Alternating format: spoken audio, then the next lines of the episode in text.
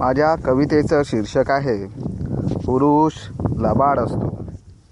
एकीकडे दाढी केस वाढवून तुझा विरहात वेड्या झाल्याचं भासवत होतो.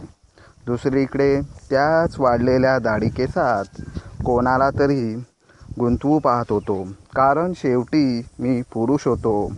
पुरुष लबाड असतो हे विसरलो नव्हतो. कुत्र्यासारखा तुझ्या मागं पुढं घुटमळत निष्ठा तुझ्या चरणी वाहत होतो. तुला नाही तुझ्या मैत्रिणीला तरी माझी दया येते का पाहत होतो. कारण शेवटी मी पुरुष होतो. पुरुष लबाड असतो. हे विसरलो नव्हतो. बसस्टॉपवर तुझी वाट पाहत मी तासन तास उभा राहत होतो. तू येईपर्यंत तुझ्यासारख्या कित्येकींना नीट निरखून पारखून पाहत होतो. कारण शेवटी मी पुरुष होतो. पुरुष लबाड असतो. हे विसरलो नव्हतो. तुझं प्रेम मिळावं म्हणून तेव्हा मी काहीही करायला तयार होतो.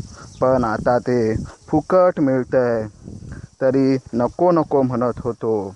कारण शेवटी मी पुरुष होतो. पुरुष लबाड असतो. हे विसरलो नव्हतो. नमस्कार.